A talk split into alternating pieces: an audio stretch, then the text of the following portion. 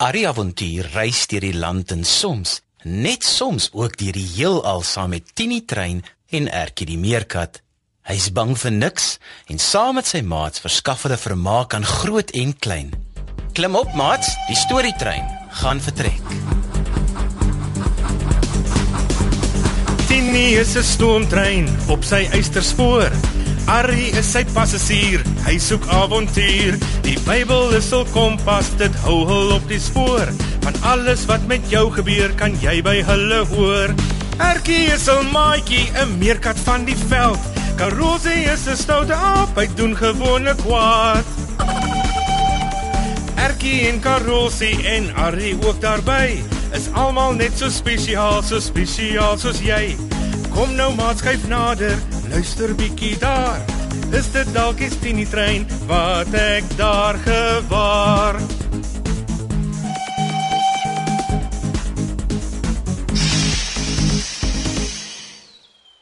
Arrie, oom Koos Tini. O, oh, ek is so bly om julle te sien. Maar hoe? Waar? Hoe? Hoe? Het julle dalk ons families in een van die waans? Stadig, Ertjie, stadig. Haal eers diep asem. Ja, kom, sommer 'n paar keer. Daar sê. En hier, ek drink 'n bietjie suikerwater en gaan sit. Ons kan later praat. Graaf, ek het al die trokke nagegaan. Die diere lyk nou kalm en almal het iets om te drink en te eet. Tini het bevestig dat hy geen verdere tekens van diere in onmiddellike gevaar van die brand op sy radartoestel ontvang nie. O, 'n trein met 'n gesig met radar.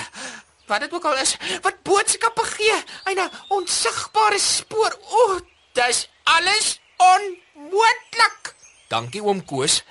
Is daar enige diere met beserings? Daar is 'n paar, maar hul wonde is verbind en hulle is gemaklik. Reg, reg, ja ja. Eh, Dan kan Tini maar oorskakel na sy tydruimtestelling en ons sou een dag voor die brand laat arriveer. Een dag voor die brand.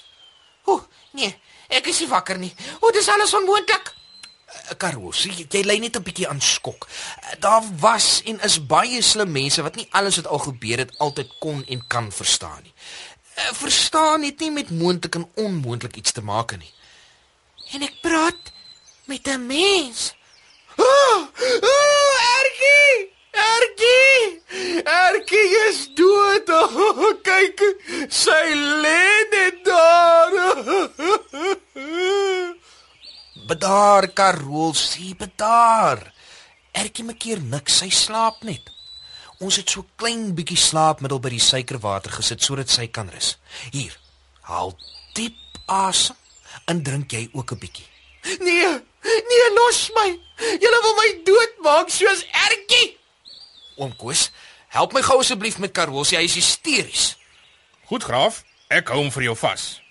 Dankie oom. Karosie. Oom Koos gaan jou vashou sodat ek vir jou die slaapmiddel kan gee sodat jy kan rus en oor die ergste skok kom. Ons gaan jou nie seermaak nie. Jy gaan net jou bes moet doen om te glo dat ons hier is om julle te help. OK. Reg. Hier gaan ons. Oh, nee. Nee. Oh.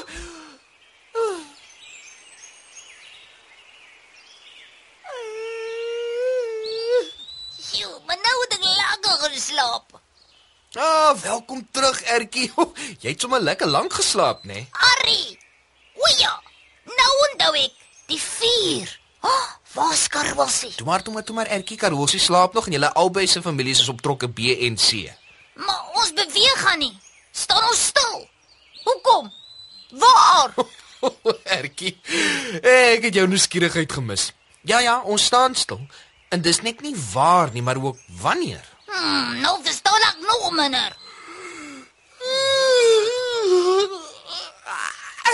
O, lekker strek ek my nou uit. Oh, Erkie, jy's okay. Karolsie. Kyk, dis Arrie avontuur. Graaf Albertus Argeopolis van Zand avontuur. Hy is 'n argeoloog, 'n antropoloog, 'n avonturier en ons redder. Kan jy onthou wat gebeur het? O, ja. Nou onthou ek. Sjoe. Baie dankie dat julle ons gehelp het. Alles voel nog baie vreemd en onverstaanbaar in my kop, maar maar regtig Baie dankie. Dis als reg, Karolsie. Ek dink na dese kan ek myself dalk 'n zooloog ook begin noem met al die diere wat versorg moet word op die trokke. Wat is 'n zooloog? ja, 'n zooloog, my liewe Ertjie, is 'n wetenskaplike wat diere bestudeer en baie weet van waar hulle vandaan kom en hoe hulle leef. Maar dan is jy mos ook 'n zooloog. Met al die verskillende diere hier op Tini trein wat ons moes huisves en versorg, het ek kans gekry om sommer nog baie meer van hulle te leer. Ek verstaan nou ook 'n klein bietjie van wat Noag moes beleef het. Ari, wie is Noag nou? En van watter boot praat jy? Ons is op 'n trein en ons nêrens baie water hier nie. O ja, ja, ekskuus, jammer. Uh een ding op 'n slag. Ons is by die plek waar die brand begin het.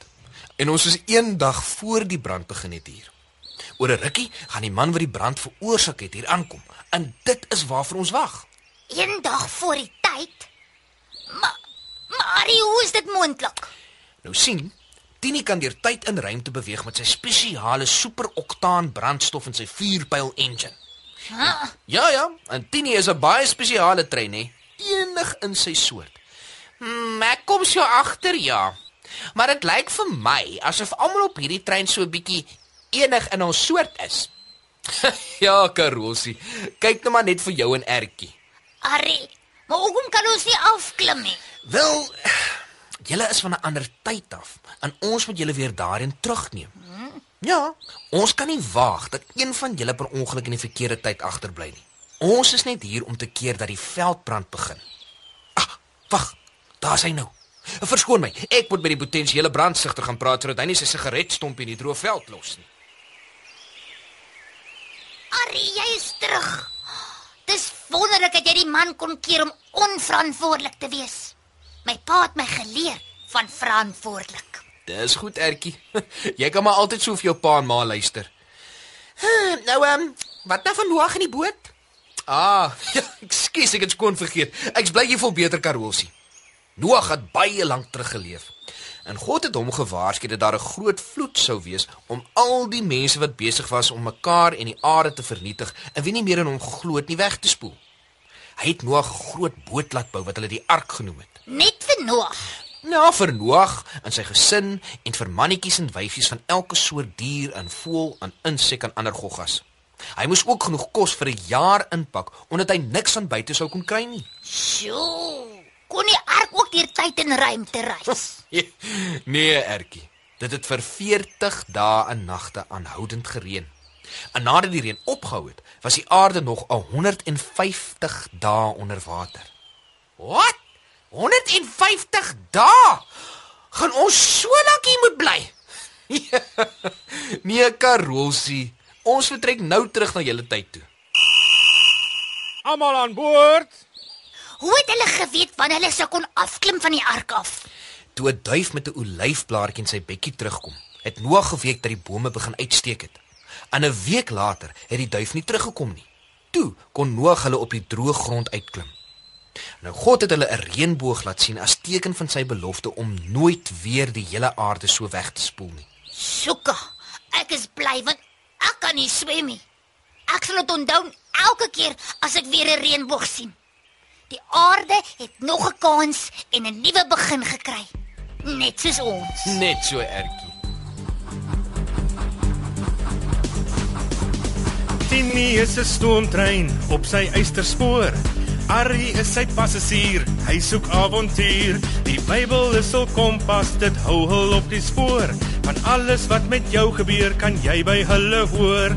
Erkie is 'n maatjie, 'n meerkat van die veld. Karosie is 'n stoute aap, hy doen gewone kwaad. Erkie en Karosie en Arrie ook daarby. Is almal net so spesiaal, so spesiaal soos jy. Kom nou maat skuif nader, luister bietjie daar. Is dit dalk die Tini trein wat ek daar gewaar? Die avonture van en Erkie is geskryf deur Elsie Stander. Dit word opgevoer onder spelleiding van Lazelle de Bruin, tegnies versorg deur Neil Roo en vervaar deur Worldwide Media.